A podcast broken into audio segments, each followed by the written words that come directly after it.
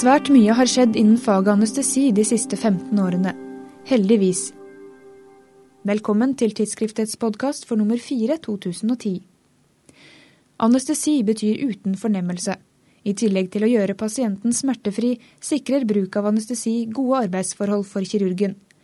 Mye har skjedd innen dette fagfeltet, både siden den første narkosen ble gitt for 160 år siden, men også de siste 15-20 årene. Siv Katrine Høymork er overlege ved anestesiavdelingen ved sykehuset Asker og Bærum, og fagsjef i Legeforeningen. Hun har bl.a. skrevet lederartikkelen som innleder tidsskriftets temaserie om anestesi og sier det er blitt svært annerledes å være pasient i dag enn for få år siden. Vi, vi har nok vært flinkere til å tilpasse et tilbud til det pasienten faktisk trenger. Han trenger ikke bli lagt inn i sykehuset dagen før operasjon hvis det ikke skal skje noen ting. Han kan reise hjem samme dag hvis han er kjekk nok til det. Han trenger ikke faste lenger enn det er nødvendig. Eh, så, så jeg tror nok mye av den rett og slett tilpasningen til, til, systemet tror jeg er blitt bedre enn hva det var tidligere. Så har vi jo fått en god del forbedrede kirurgiske teknikker. Ikke minst eh, f.eks. kikkhullskirurgi for, for galleoperasjoner. Som gjør at hele forløpet går utrolig mye greiere for mange. Vi har fått bedre anestesimetoder, det må jeg jo nevne som anestesiolog i denne sammenhengen. Vi har fått medikamenter som gjør det lettere for oss å tilpasse grad av smertelindring og, og søvndybden til det som er nødvendig. Og vi har blitt flinkere også som anestesiologer til å bruke medikamentene nettopp til individuell tilpasning. Men til tross for alle fremskrittene er det fortsatt utfordringer innen anestesien. Høymork trekker frem postoperativ smertelindring som ett eksempel. Det er dessverre sånn at selv om vi kombinerer alle de metoder vi kjenner til, så kommer vi i mange tilfeller ikke unna opiater som tilleggsmedikasjon. Morfin og lignende preparater, som jo har en rekke bivirkninger. Framfor alt i form av respirasjonsdepresjon, men også kvalme og kløe, som kan være veldig plagsom for pasientene. Så det jeg ønsker meg av store anestesiologiske framskritt i nær framtid er, er, bedre medikamenter for smertelindring postoperativt.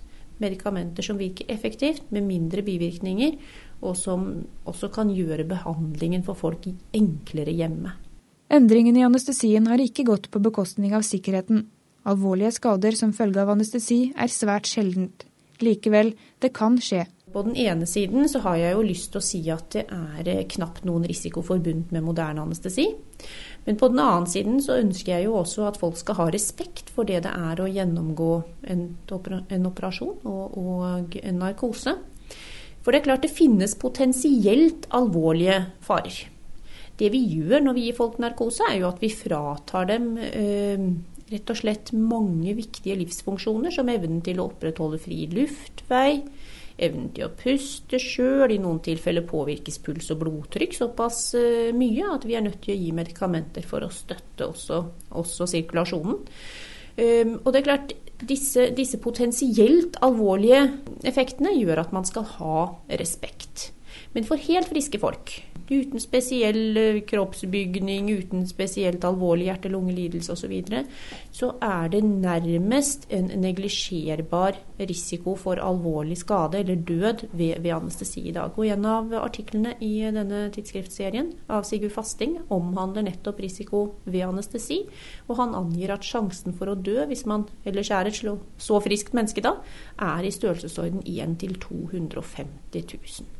Høymork håper artiklene i tidsskriftets temaserie kan bli nyttige både i undervisning og som verktøy for henvisende leger.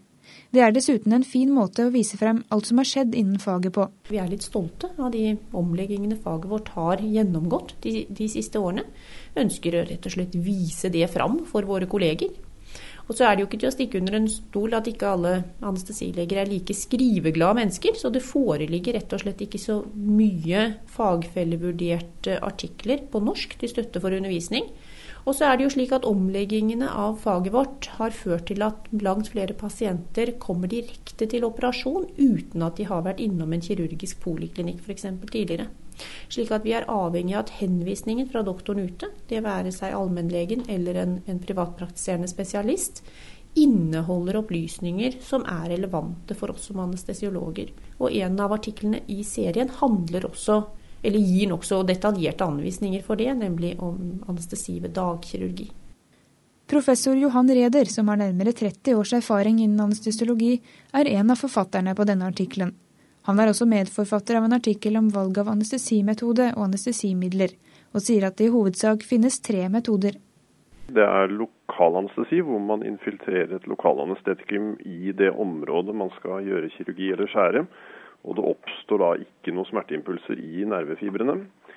Så er det regionalanestesi, hvor man kan bruke et et lokalanestesimiddel inn mot en nerve som leder impulser inn til ryggmargen. Det kan gjøres i f.eks. i armhulen, det kan gjøres på perifere nerver som isiadicus og femoralis.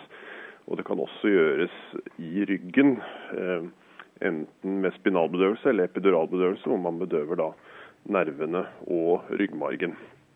Akkurat overføringen mellom eh, nerveledningen fra periferien og inn til sentralnervesystemet. Og Så er det generell anestesi, som er eh, at man demper refleksene inne i sentralnervesystemet på smertestimuli, eller det vi kaller nosiseptiv stimulering, som er intens ved kirurgi. Og så kan man blande disse da, og ha flere samtidig. I enkelte sammenhenger kan trolig valg av anestesimetode eller middel ha betydning for resultatet ved kirurgiske inngrep. Annet så er det vist at eh, spinal- og epiduralanestesi beskytter i noen grad mot eh, venetrombose etter inngrepet. Eh, og gir en mindre sentral stressaktivering, og som kanskje kan bidra til mindre smerte etter inngrepet og mindre kvalme, fordi man også slipper å bruke opioider. Så er det vist at visse typer generell anestesi, særlig inhalasjonsanestetiske midler, beskytter hjertet i noen grad mot skade av eh, hypoksi- eller iskjemiepisoder. Eh, en diskusjon som er kommet veldig opp de senere årene om det å bruke inhalasjonsanestesi som en del av metoden til risikopasienter for kardiovaskulær iskjemi kan minke muligheten for at de får slikt underveis og etter et inngrep. Du kan lære mye mer om anestesi ved å lese artiklene som kommer i tidsskriftet nummer fire, fem, seks og sju. Du kan trolig lære noe i neste podkast også, som kommer torsdag 11. mars.